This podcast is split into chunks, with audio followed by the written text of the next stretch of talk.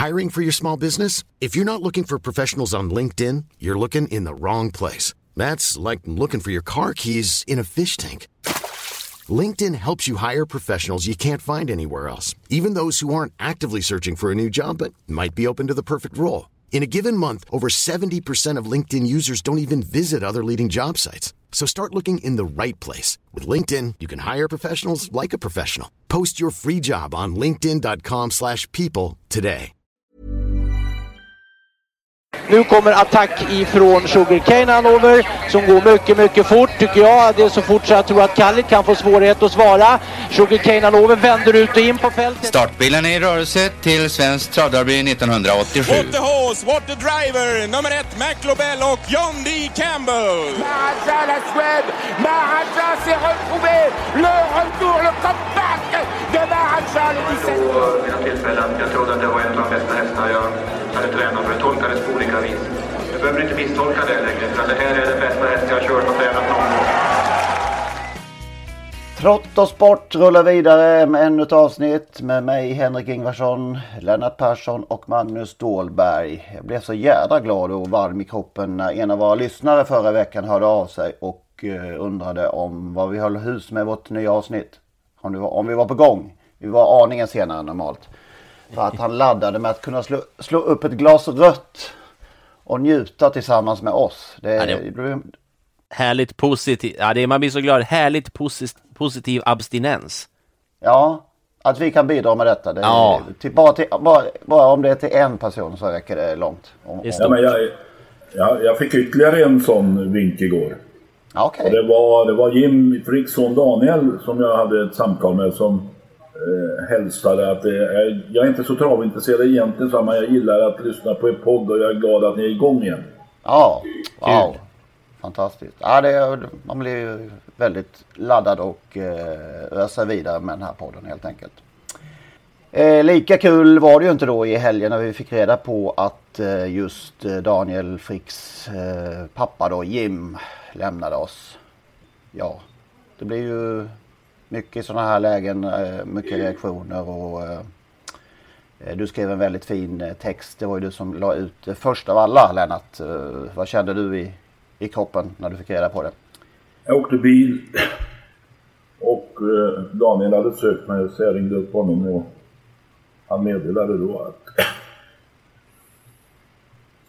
Jim hade dött några timmar tidigare. Och det är klart att jag blev ledsen då, jag blev ledsen nu också. Ja, Eh, Jim var ju inte bara travtränare av kust. Han var en fin människa och blev under många år en god vän. Och eh, en av de bästa vännerna i travsporten. Så även om det inte kom oväntat så blir man ju väldigt tagen.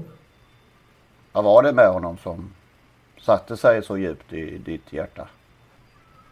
Han behandlade alla människor lika. Eh, kungen eller Stig och Johansson eller stallpersonalen. Alla kollegor, alla konkurrenter. Alla han kände behandlade han lika. Han bjöd alltid på ett smittande skratt. Han var oerhört lätt att umgås med. Och eh, jag kan väl säga att eh, utan att överdriva att jag har inte haft så roligt med någon annan i den här branschen som Jim Frick. Nej. Han var ju en otroligt skicklig yrkesman. Eh, Så det är nog inte många som förstår hur duktig han var och hur många olika sorters hästar han kunde köra. Och han ställde upp för alla amatörer och jobbade och slet och åkte runt som en galning. Eh, Ja, en stor personlighet. En, en av travets största personligheter. Jag minns eh, några, man har ju många minnen, men 1985, V75-mästaren på Åby. På den tiden var det innan eh, kom, eh, TV-kamerorna förmedlade vad vi drack i glasen. Då var det de här inkvalade kuskarna, några administratörer och eh, landets hästsportjournalister. Men Frick sent på natten där innan läggdags meddelade till oss alla, eller de som i alla fall var kvar i lokalen. Grabbar, imorgon vinner jag V75, V65-mästaren var det förstås på den tiden. V65-mästaren med Frosty Vixit, bara så att ni vet. Och loppet kom då på lördagen och när han körde förbi de här på upploppet och spurtade till seger då vände han sig till pressläktaren, den stora pressläktaren där på Åby och vinkade med spöet till oss och vi noterade att vi kunde hämta ut till 13,88. Hur kunde det bli så högt odds?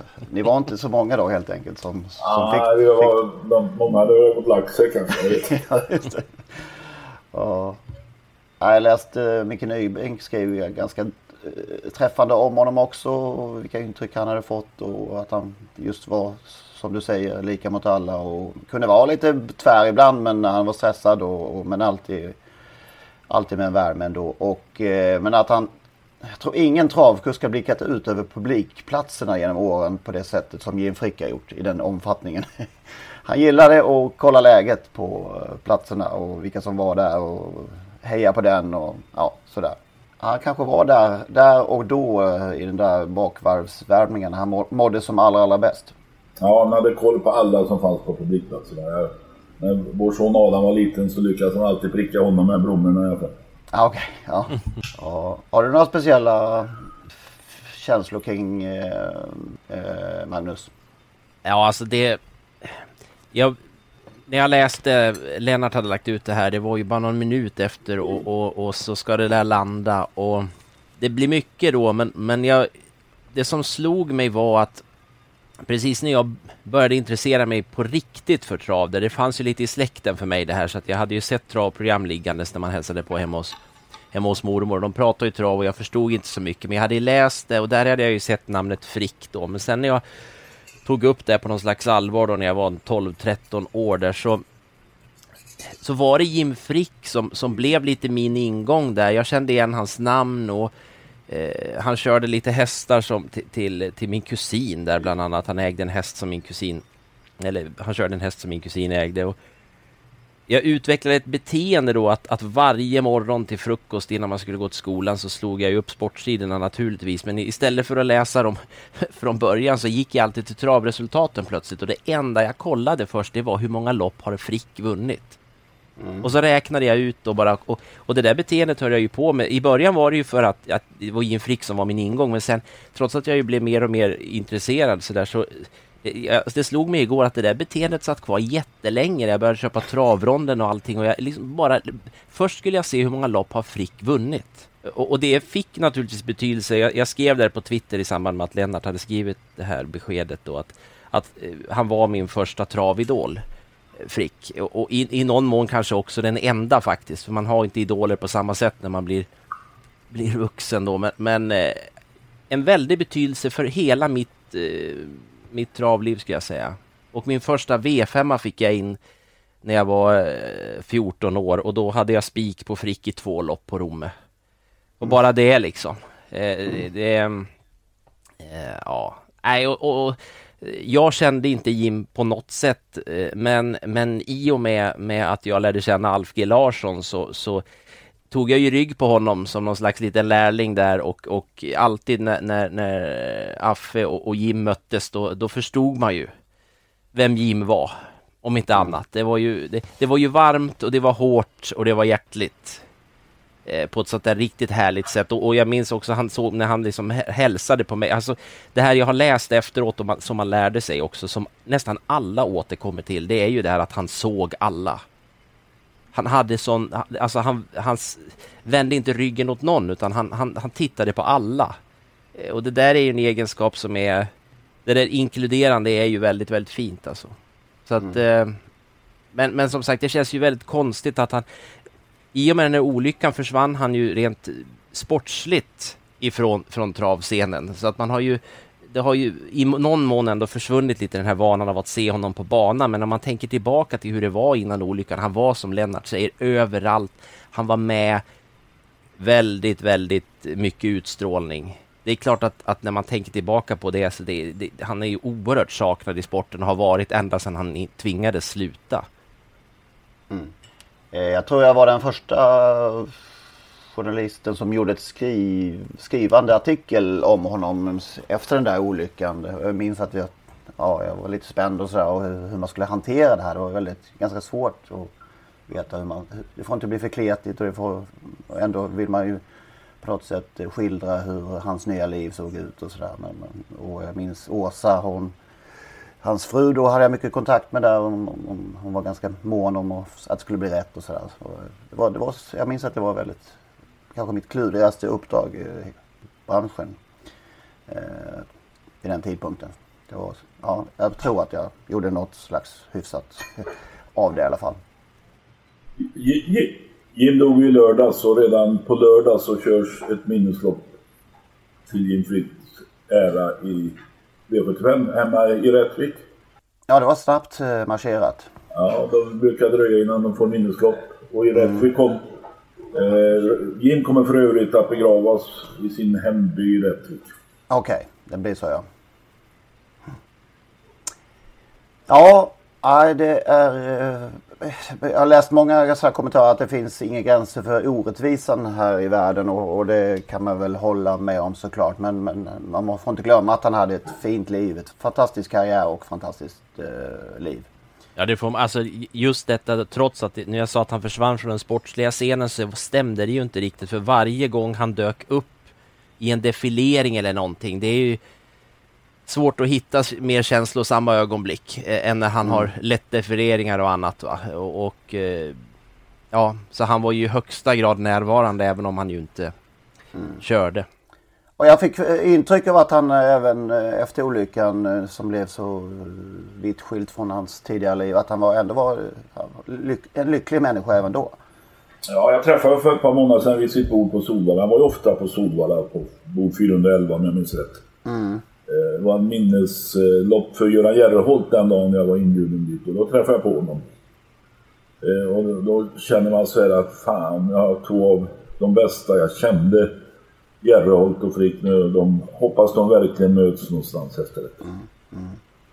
Mm. Ja, känslosamt. Eh, och som sagt, hans lopp körs på lördag då i silverdivisionen va?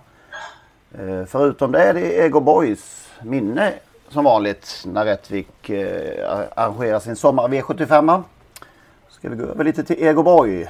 Ja men då kan man ju verkligen säga Jim Frick och Ego Boy det är ju två av Rättviks, i alla fall i travsportens största genom tiderna då. Ja det hamnar ju rätt på något sätt. Ja verkligen. Mm. Eh, Ego Boy ja. Speciell, väldigt speciell häst och väldigt speciell historia. Eh, med sin eh, lilla tränare där Ingmar Olofsson på sin tid. Eh, jag har alltid undrat om, om det här Elitloppsstämningen som ju jag upplevde kom igång där på 80-talet. Hur, hur var det där på 1973? För det, du är den enda som har, av oss som har varit, var på den tävlingsdagen. Var det liksom den här välkomnande ut när hästarna värmde och så redan på den tiden? Nej, det tror jag inte det var. Däremot så fick ju loppet eh, genomslag, så enormt genomslag genom det här skiljehitet mellan den lille mot den store då. Eh, Ingmar Olofsson mot Joe Bryan. Eh, Egoboy mot Flower Child. Mm. Alltså, han hade en ganska märklig karriär innan där, Egoboy. Han började ju hos, tränas av Donna Larsson i Gävle. Eh, men eh, han fick inte någon fart på hästen och rekommenderade eh, ägaren Tage Hedberg att ta hem hästen över sommaren och gå på bete. Och då Hedberg åkte dit och hämtade sin häst och funderade vad tusan ska han gå på bete? Det var ingen idé, han skulle tävla, för, träna och tävla och lämna honom då istället till Ingmar Olofsson som efter några månader lyckades få ut hästen. Han, alltså han debuterade inte förrän den 26 september som treåring och blev då sjua på 1.30,6. Apropå slow starters då som ja. vi har varit inne på. ja visst, sen blev han tvåa. Nej fyra. Tvåa. Tvåa. Han sänkte sitt rekord med någon tiondel då och då. Det var ägaren väldigt, väldigt nöjd över. Så vann han då sitt första lopp den 30 oktober 1970 i Gävle på 1.25,0 och tjänade 1200 kronor. Och efter det så radade han upp segrarna. Och eh, sen som fyraåring så fick han ju sitt stora genombrott då. Han vann ju ett hit i Sprintermästaren. Det var väl första Sprintermästaren 1971. Eh, och fick stryk av Silver i finalen men kom tillbaka på hösten och vann St. Ledger.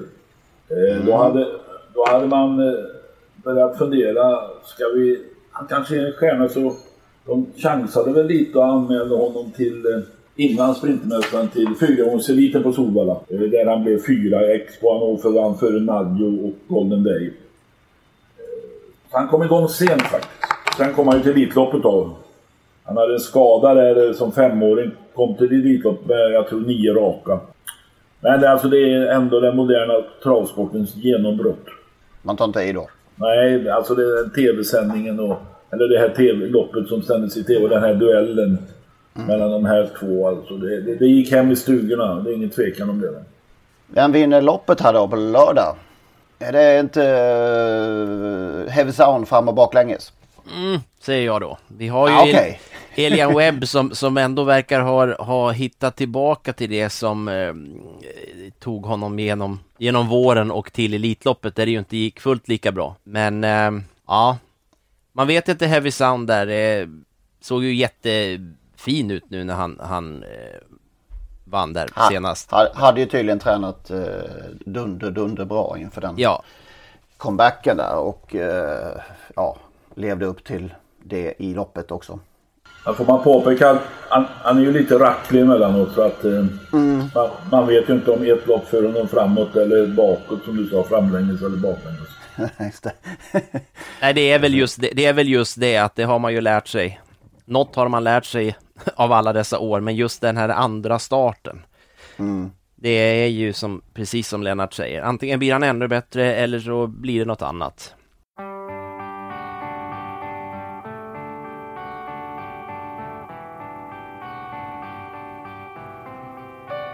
Och en spännande kväll har vi framför oss idag. Det är tisdag när vi spelar in, eh, tisdag morgon. Och Hugo Åbergs Memorial körs ju ikväll. Jag noterar att uh, in, ingenting är heligt längre. De har ju alltså gått ifrån uh, start, sin start, normala starttid. 21.06 är det väl uh, startbilen brukar rulla när precis när solen kliv, är på väg att kliva ner bakom Agnefridsvägen där och, och in mot den, eh, man blickar in mot staden.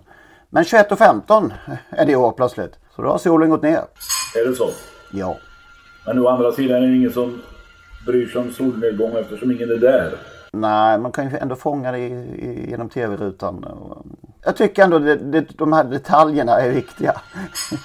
de, det... klipper nog, de klipper nog till det där i sändningen. ja, det har du, det har du rätt i. Det har du rätt i. Vem vinner det då? Det är Icke favorit. Ja. Hur stor? Inte jättestor men, men knappljust i, i, i pratandets stund så 25 procent på V75 och Taekwondo 21 procent som andrahandare. Och Double Exposure 19 och Vitruvio 14 så det är ju Men dock Ecuride favorit. Får jag påpeka en sak? Vi har ju tidigare sagt att Piskorv, först glömde vi henne men sen fick vi till oss ja, att Piskorv var fyra år när hon vann.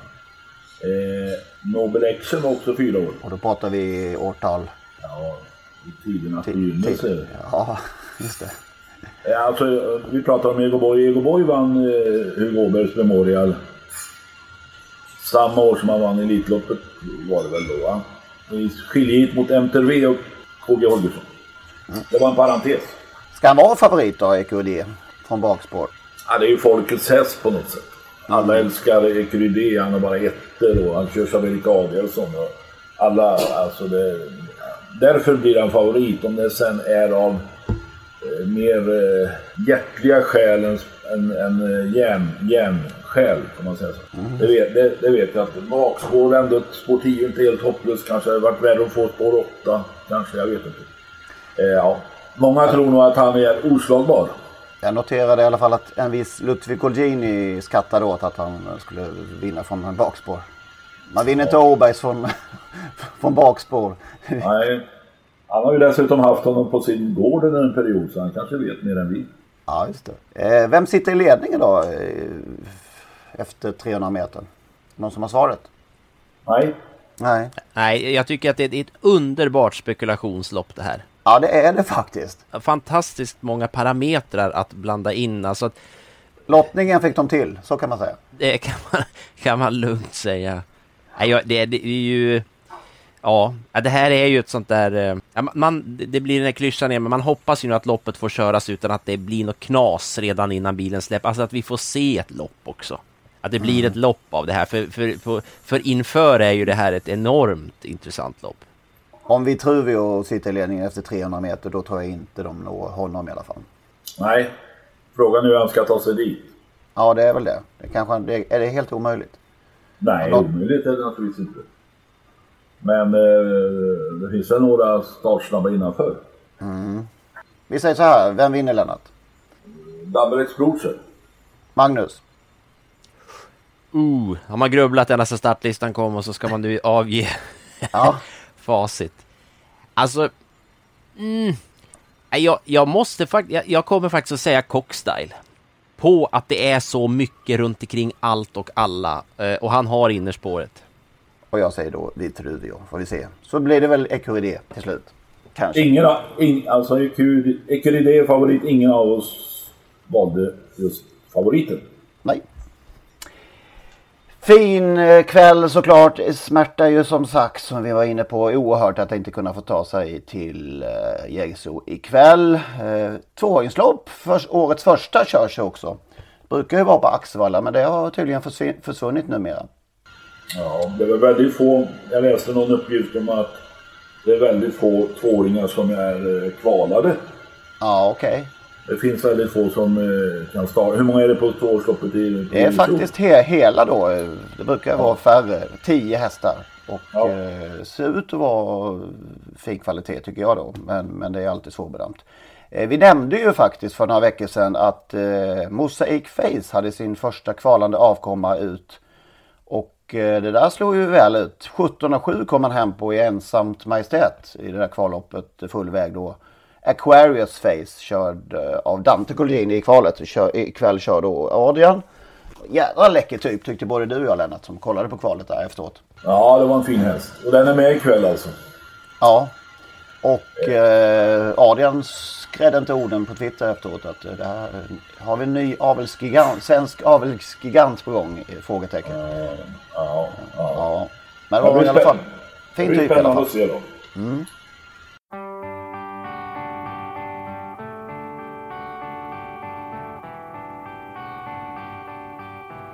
Vet ni vad det är för dag och datum idag? Ja, tisdag vet jag garanterat. 28 juli står det på datorn. Ja, det stämmer ju. Det är alltså på dagen, 19 år sedan, lite i skymundan kanske, som en viss eh, Scarlet Knight gick sitt kvallopp till Hamiltonian, eller uttagningslopp ska det väl heta kanske i elljuset var det, det var kvällstävlingar då och lekte hem det där uttagningsloppet till eh, just Hamiltonian. Hur minns du? Ni var ju i allra högsta grad inblandade där eh, på din före detta arbetsplats eh, Lennart. Ja, dagens spel. Jag träffade Tarzan någon dag på Solvalla, onsdag kväll. Och han började prata när jag funderade på Hamiltonian. Ja men det är väl bara att åka så. Ja men det är så dyrt va. Det heter Tarzan, det är så dyrt. Ja. Man kan ut, ja, jag kanske kan fixa någonting sa jag. Om, det, om våra företag eller där jag var anställd, Dagens Spel kanske kan vara med och sponsra. Ja. Jag, jag framförde detta till mina chefer Bernt Salin och Peter Jansson och de tände på det där. Och vi garanterade då, eller företaget garanterade Tarzan eh, alla kostnader och så vidare till ett belopp av 400 000 kronor. Eh, som, eh, om jag minns rätt, skulle reduceras om han vann på något.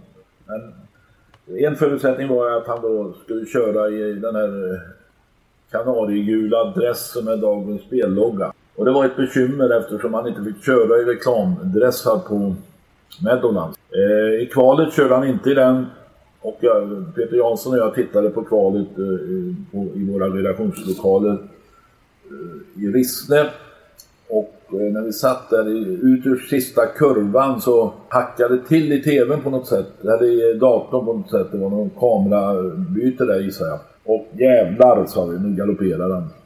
Men sen bara någon sekund senare så var han ju bra i alla fall. Och vann. Och sen åkte Peter Jansson och jag över.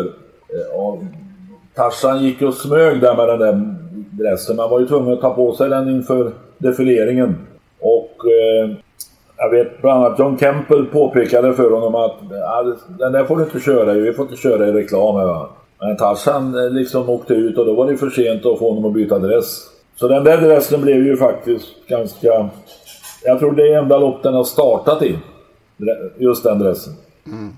Han vann alltså kvalet där till 2,40 odds. Han var väldigt påpassad och, och eh, upphåsad inför, inför även försöket då. Eh, före La Vexter. Alla växter ja. Och Yankee Mustang. Ehm, så han var väldigt eh, upphaussad även, även redan till försöket. Han startade nog i det som betraktas som det sämsta försöket. Jag tycker att vi lyssnar lite grann på hur det lät eh, i och runt eh, Hamiltonian 2001. Hur känns han så här efter försöket? Ja, jag tränade i onsdags och han kändes ruskigt bra. Han, ja, med, inte svansen i vädret för han brukar inte vara men man känner ju att han är, han är på hugget. Här inne på Meadowland Racetrack. Här kommer världens största treåringslopp att avgöras. Att det är det mest prestigefyllda lopp som man kan vinna är alla överens om. I alla fall om man är amerikan. If you ever been here on Embletonian Day, you tell me yourself why you think it's the best race in the world. Okay. What do you think about Stefan Melander, Scarlet Knight? Well, I don't have a drive in the Embletonian, and I'm going to be happy to watch the race. But I watched him race last week, and I was impressed. If right now you give me a pick which horse I would like to drive in the race, I think I would pick his horse.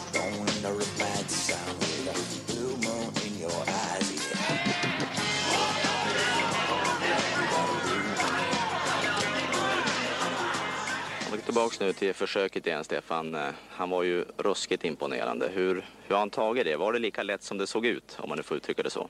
Ja, faktum är att eh, det var ju, det är ju, jag tar ju pulserna på hästarna efter loppet och eh, han eh, hade ju många slag kvar och det innebär ju såklart att han hade mycket krafter Är det kvar. på det sättet att vi ska få uppleva ett nytt klassiskt ögonblick denna lördagkväll? Ögonblick som Ina Scott, Copiad, Quinell och kanske Ego Boy eh, bjöd oss på en gång i tiden. Vad tror du Thomas? Oskar, det känns nästan overkligt att säga det, men jag tror faktiskt att det är fullt möjligt. Hjärtligt välkomna att följa med på eh, Hambletonian 2001, loppet som körs på den mäktiga Meadowlandsbanan i New Jersey. 40 minuters bilväg från New York. I bild, den svensktränade förhandsfavoriten Scarlet Knight med gul kusk. 1609 meter, en engelsk mil, över 10 miljoner kronor i prissumma. Det här kan vara världens största lopp. Scarlet Knight med gulklädd kusk Stefan Tarsa Melander från ett perfekt utgångsläge, spår 4. Det är dags att lämna över till Meadowlands referent Ken Workington. Varsågod Ken.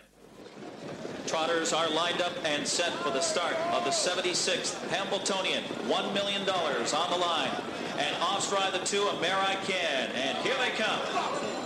And they're in the Hamiltonian and Banker Hall fires out. Scarlet Knight a bit of early speed from the outside. Cigar Bar, Choco Chip Hanover on the inside. But Trevor Ritchie is taking no prisoners early here. Banker Hall opens up by four and a half lengths. Now five around the first. 400 meter långt upplopp. Eh, Please take them home, Mr Workington. Choco Chip Hanover back in third. The Magic Man with Pegasus Spur in gear. Now fourth on the outside. Three quarters, 123 and three. They're in the stretch of the Hamiltonian Banker Hall. But here comes Scarlet Knight. Pegasus Spur clear and driving at him. Choco Chip Hanover shakes loose off the cones. Scarlet Knight, step on Stefan Nylander calling to him. Pegasus Spur on the outside, taking it to a good battle to the finish. But it will be Scarlet Knight. Scarlet Knight, step Stefan Nylander becomes Sweden's man on the 153 and 4. Yes! Scarlet Knight har vunnit Hamiltonian, en svensktränad häst. Segergest från Stefan Tasha Melander som äger och tränar och körde Scarlet Knight till seger. Ett stort grattis också till Scarlet Knight skötare Therese Olsson. Hon har stor del i det hela. Eh, Vår utsända reporter Joakim Johansson eh, har fångat in Stefan Melander mitt i vimlet på Meadowlands. Det gällde ju bara att spara på krafterna och ja, att han skulle komma tillbaks det var jag ganska säker på.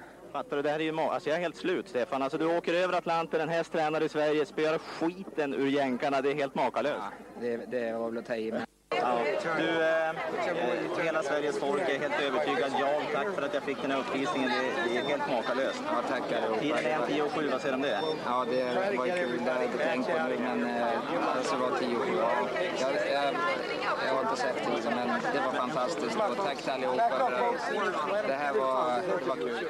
Mm, vad var han sa den amerikanska referenten? Man on the moon, eh, Stefan Melander. Vi kan inte undanhålla er glädjescenerna i vinnarcirkeln, de amerikanska hyllningarna.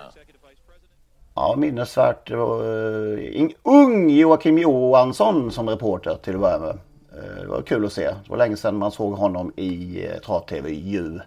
Och sen ja. härlig inblandad uh, kommentatorssändning där med, med Hanski som lämnar, lämnar över till Ken Workington, referenten på, uh, på Meadowlands där. Ge oss, ge oss eh, loppet Ken. Ja. som, om, som om de hade direkt kontakt med varandra. ja. Låter det i Sveriges Radio för ofta när man går från lokalradiokanalen till Dagens Eko. Då, då eh, hänvisar de till något namn precis som de vore goda vänner.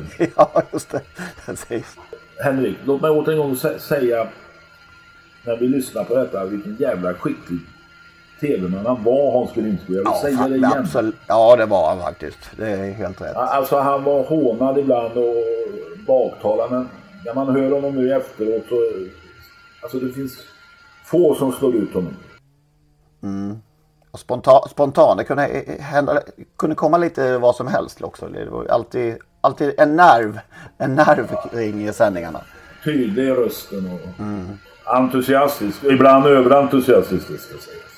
Nej, men det, det, ja, det, håll, det är bra, vi lyfter fram det därför att det är ju så trots allt att, att den här typen av gamla tv och radioinspelningar också, de åldras ju inte alltid jättebra. Det blir ju ganska, kan bli ganska mossigt, men jag tycker Hanski, han är... De gamla inspelningarna blir nästan bättre med åren på något sätt. Han, han var... Eh, han är ju fortfarande bra då nu, nu han får göra de här lite mindre eh, reklaminslagen för, för storvinnare och det är där man ser honom i princip. Men han, det är klart att det är en duktig, duktig kille framför kameran. En duktig bakom också säkert. Men... I finalen då så var alltså Scarlet Knight nedtryckt till 1,70. Jag minns att jag satt på eh, faktiskt en av de få gånger jag följt här riktigt, riktigt noga på, ett, eh, på Solvallas Valla krog. Eller om det var kongressen var det väl kanske. Och såg eh, den här kvällen. Scarlet Knight stod alltså 1,70 i finalen som sagt. Kändes det så klart när man var där liksom, eh, Lennart? Nej, då, ja klart. Det, det, är klart att vi hade stora förhoppningar men samtidigt så kände man ju Hembytonien och Stefan mm. Melander mot alla de här omsusade ja, världsstjärnorna. Hur ska detta gå? Och det fanns ju en oro i kroppen. Det här kommer gå åt helvete på något sätt. Men eh, Stefan hade ju pratat innan att han skulle sätta upp någon annan kusk. Han hade till och med nämnt Bernt Lindstedt och så vidare. Lindstedt hade enligt Stefan då tydligt markerat att du ska köra själv. Punkt. Okej. Okay. Och han skötte sina kort. Eh, och loppet blev ju ganska odramatiskt och man såg ganska tidigt att det här fixar han. Alltså, han är så pass stark så han kommer gå undan över upploppet. Det kom ju några stycken när Pegasus spör. Banker Hall ledde väl. Eh, så att eh, under loppet så kändes det ganska stabilt tycker jag. Och efter loppet blev det ju fullständigt kaos där i vinnarcirkeln. Melander intervjuades hit och dit, och på engelska, på svenska och vartannat. Ja, jag sparade eh, Tarzan eh, just den delen av klippet här. Så... Han är nog tack, tacksam för det. ja. Men det var ju en underbar, till, underbar eh, händelse naturligtvis. En av de största upplevelserna under mitt travliv och, och det här i vinnarcykeln. Dessutom så blev det ju en jättetrevlig middag på kvällen. Eh, som, eh, det måste jag väl få säga, Peter Jansson fick ta fram Dagens Spel bankkort där för att betala en middag. För Stefan Melander hade ju lagt sig på ett, ett flygplan för att flyga hem direkt på kvällen. Mer typiskt Stefan Melander blir det inte. Nej, men vi hade trevligt eh, med Janne Lundgren, Silversmeden, som en livlig aktör där under kvällen. Och Kattis var väl kvar antar jag? Ja, absolut. Ja. ja, vi nej, alltså pojkar, pojkar får jag säga så. Nu har vi nämnt de två av de största, tre av de största i svensk travsport genom tiderna. Eh, Jim Frick, Ego Boy och Scarlett Knight. Mm. I samma sändning. Ska vi nämna en ytterligare så kan vi ju så här några dagar efter han gratulera Stig och Johansson på 75-årsdagen. Det var väl i söndags va? Ja, och då, då, kom jag, då kom jag på att jag är så gammal så att jag var med när han fyllde 40 år. Okej. Okay. Och det var i, i, i USA när han skulle, jag tror, The Onion i VM-loppet.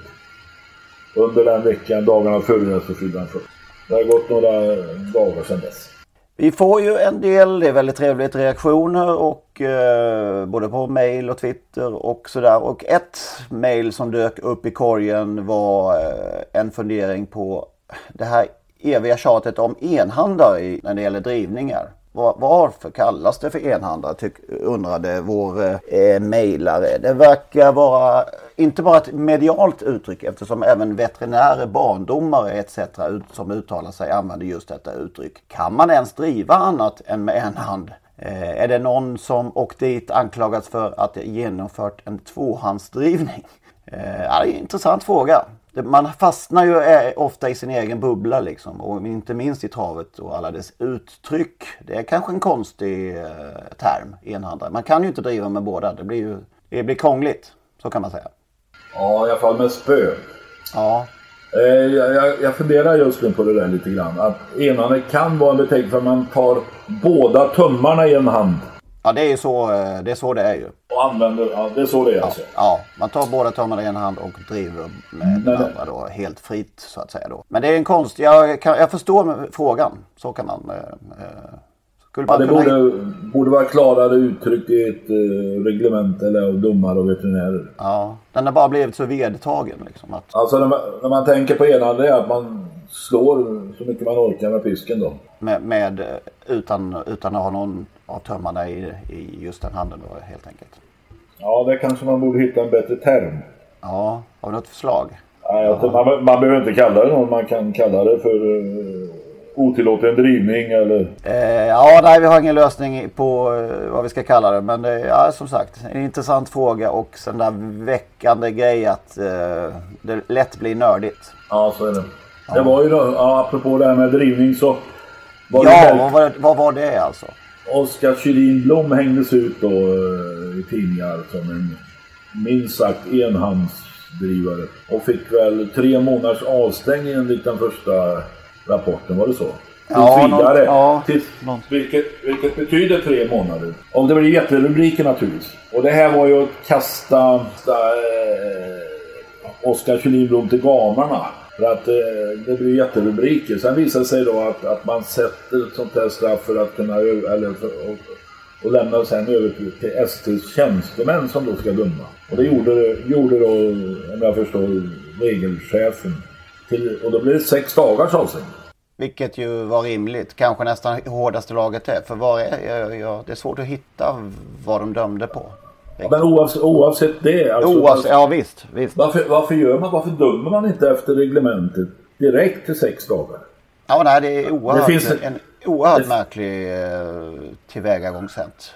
Det finns en velighet och en oro hos domare som inte vågar ta ställning. Då ska de inte vara domare.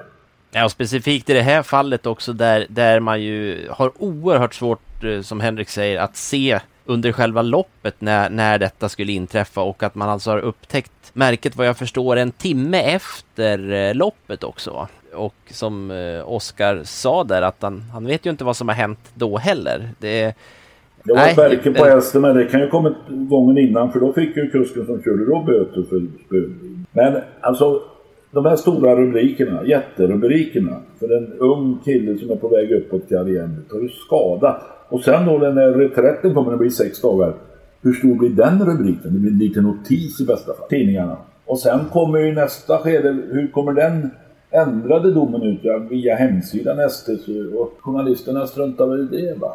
Nej, det, det är åt helvete. Ursäkta uttrycket. Raka besked. Ja, men det är ju riktigt dåligt. Den här, det som då sägs då att eftersom man ville ha STs bedömning och då blir det per automatik infört de här tre, tre månaderna det där stelbenta är ju så svårt att förstå. För som, det är ju precis som Lennart säger, det är enormt svarta rubriker och dåligt för, för Oskar Kjellin Blom naturligtvis att helt felaktigt hängas ut på det här sättet. Det, det, det, det, kan man inte skylla på någon administrativ rutin. Det får vara någon måtta på, på tröttheten och flatheten. Eller alltså att, att inte vara intresserad ens av att göra. Då får man väl ändra rutinerna. Det är ju ja, dumt. Alltså det är ju självmål av svensk Minst. Det är två självmål apropå rutiner så står det på resultatlistorna bestraffningar. Och så står det kuskändringar på bestraffningar. Finns med där. Det finns ingen egen kolumn för kuskändringar utan bestraffningar. Och så där står kuskändring. Det är väl ingen bestraffning att ta över eh, som reservkusk. Nej, det kan vara för ägaren möjligen ibland att man blir bestraffad och får någon som man inte vill ha. Men det, ja... Ja, det... det... Nej, men, för att återgå till det. Avstängd tills vidare. Ärendet överlämnat till SD. Då, då, då kan man ju möjligen spekulera men då finns det inget att ta på. Det är ett eh, utdraget eh, VAR i, Ja. i fotbollen. Det är liksom. Ja. Men då är ju till saken att i VAR sitter domare och dömer. Här sitter Ja. ja. tjänst, tjänst, Sen är ju den här regelchefen är ju gammal måldomare och eh, kan, eh, sen tidigare så att det, och det var väl, har, har de väl varit de senaste. Men bortsett från det så, det så kanske man kan göra men man måste hitta ett nytt system för att slippa att dra folk i smutsen i onödan.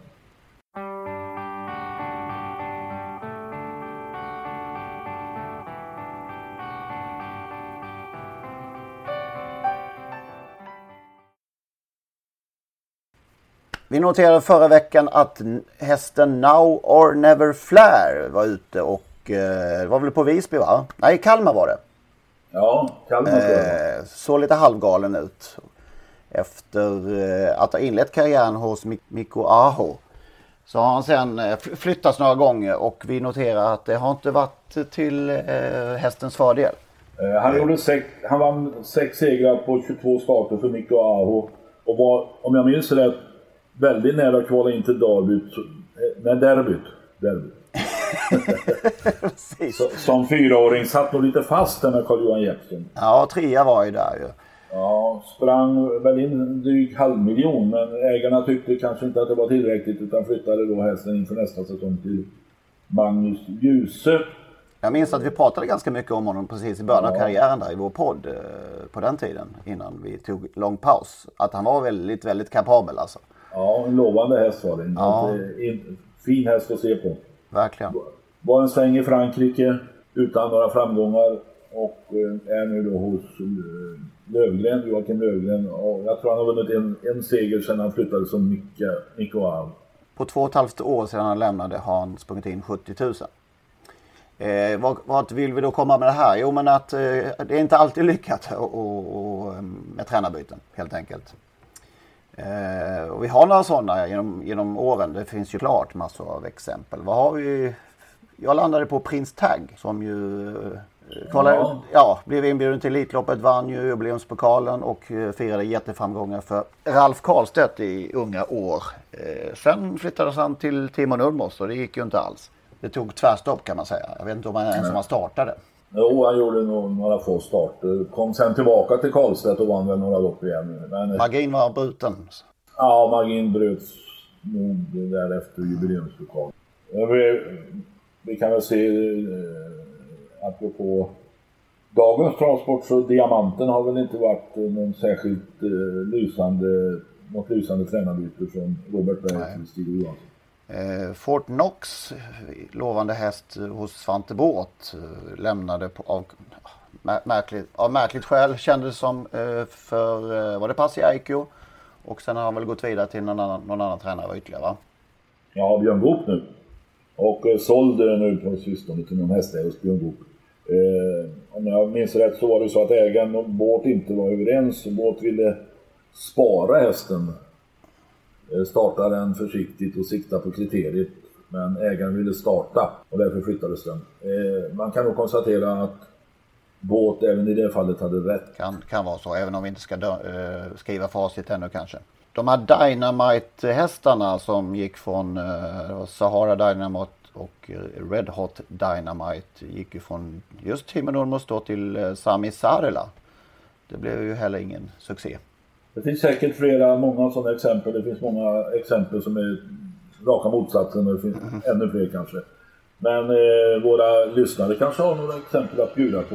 Då går det mejla till oss, eller hur? Ja, det gör ju det. Podcast.trottosport.gmail.com På tal om, eh, du var inne på privattränare här. Vi glömde ju en när vi pratade just sådana förra veckan. Det finns ju en eh, just i, i denna verklighet. Eh, Staldenko. Ja. Admir Sukanovic. Ja, det ja. Påpekade, påpekade Björn Börni Norén för oss. Ja, han har inga ja. andra hästar än eh, Denkos alltså. Är... Nej, inte så vitt jag vet. Nej. Ja, slarvigt av oss. Ja, får vara. ja. Alltså om vi bara säger rätt saker, om vi bara gör rätt här, kommer ju aldrig de här påpekandena, kommer inte den här interaktiva eh, aktiviteten bland våra lyssnare. Nej, just det. Nej, det är helt så, Alltså det finns ju många som älskar att eh, peka finger upp. Ja, man har gjort det själv någon gång kanske i, eh, i, i någon riktning. Ja, ja, ja. Två late bloomers har vi fått in också. Love Face. Inte gjort många Eh, inte tjänat många kronor innan han som sexåring gjorde debut för Veijo Heiskanen. Eh, skriver en eh, mejlare också. Innan han vann flera silverdivisionslopp och sedan flyttade till Frankrike och tjänade stora pengar. Eh, den kan vi väl hålla med om. Absolut. Mind Your Value VF. Eh, inledde ju rätt försiktigt i alla fall som ung, ung eh, och sen nu senare, under senare år har gjort stor framgång bland annat i Frankrike. Ja, det kan vi köpa väl också va? Oh ja. ja. Så gärna fler sådana Lake Bloomers. Vi tar emot allt på trottosport eller podcast.trottosport.gmail.com.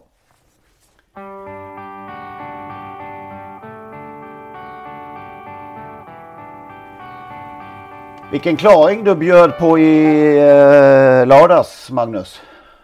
Ja, vad underbart ja. att man också hade flugit all världens väg innan så att man fick sitta och njuta helt. Noll kronor in men, men, eh, men du tankade, egot... väl, du tankade väl om? Det finns ju massor med spelformer. ja, jag, jag var med på allting. Det enda jag inte gjorde var att spela vinnare faktiskt. Så att men, det var det enda jag vunnit på. Så att, ja. Ja, ja, men det var ja. kul ändå. Ehm, ja, det var, helt, alltså, det var inte bara kul, den var helt överlägsen. Och vi ska kanske prat, säga vilken häst vi pratar om. Det var alltså i V757, Daniel Redéns nyförvärv. Jag har glömt vad den heter. Vad är Victis Club? En italienare ja. som, som ju hade...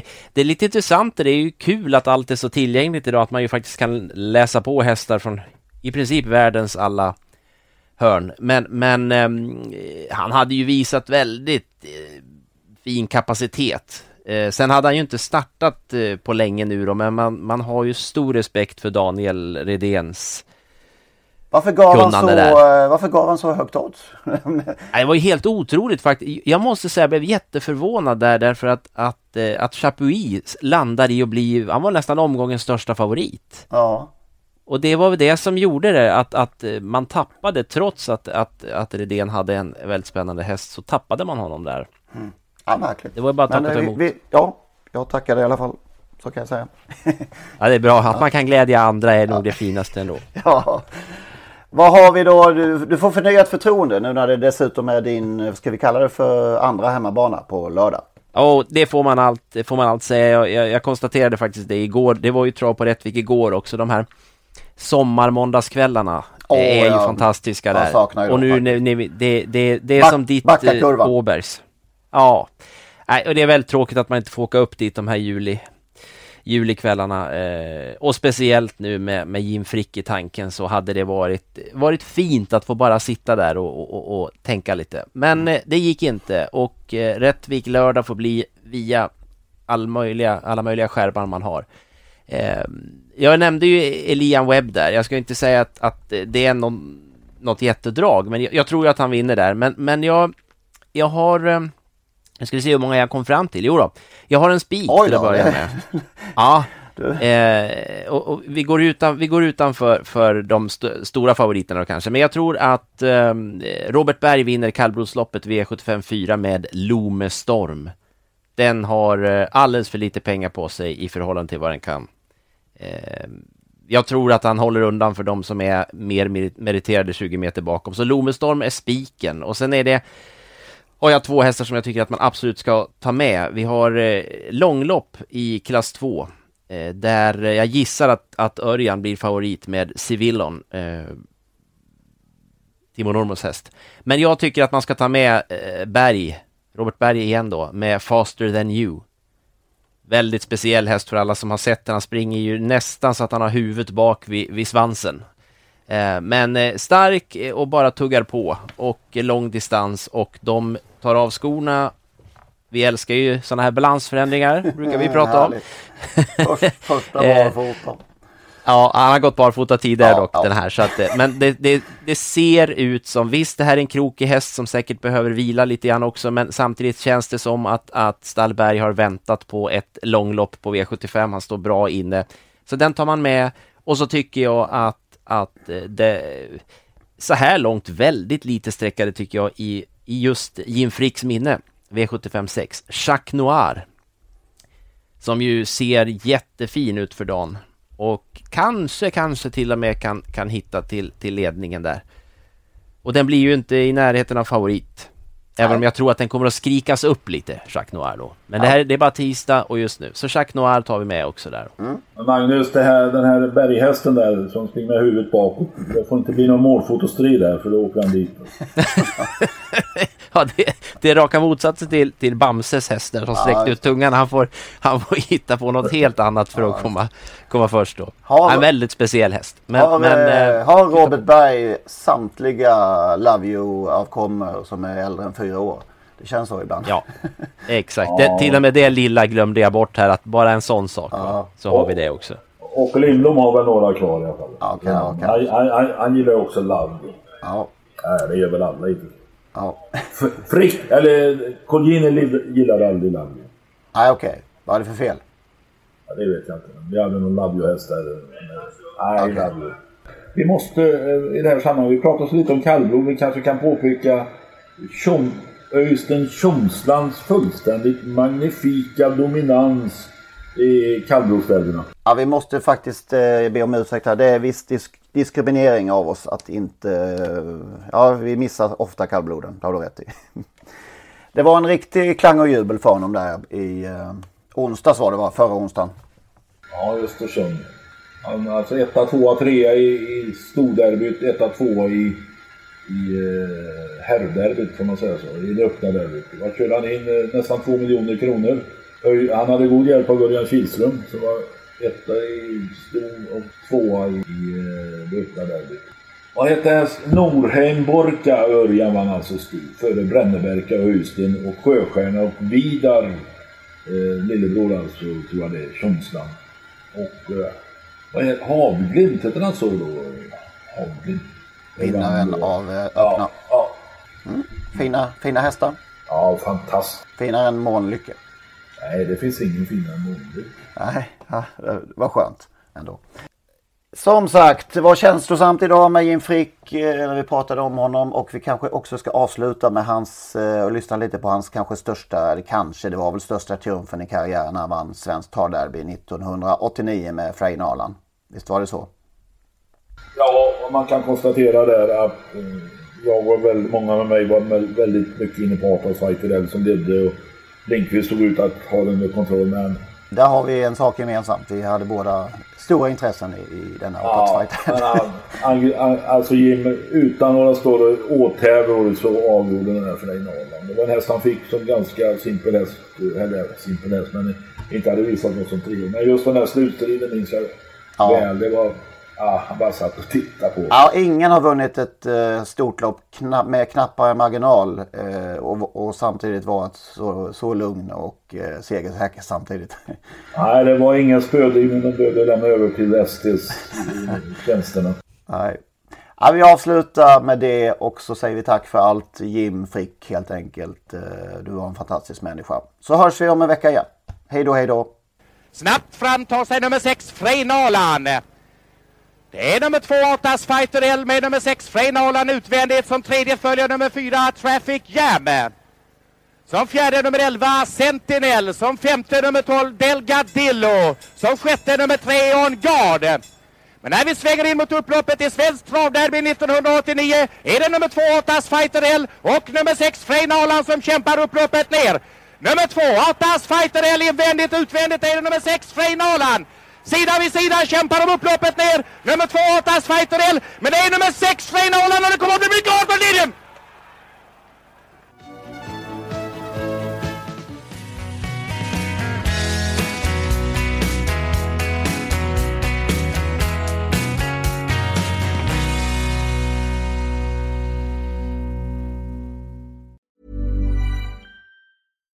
Deserves the best, and there's no better place to shop for Mother's Day than Whole Foods Market. They're your destination for unbeatable savings, from premium gifts to show-stopping flowers and irresistible desserts. Start by saving 33% with Prime on all body care and candles. Then get a 15-stem bunch of tulips for just $9.99 each with Prime. Round out Mom's menu with festive rosé, irresistible berry chantilly cake, and more special treats. Come celebrate Mother's Day at Whole Foods Market.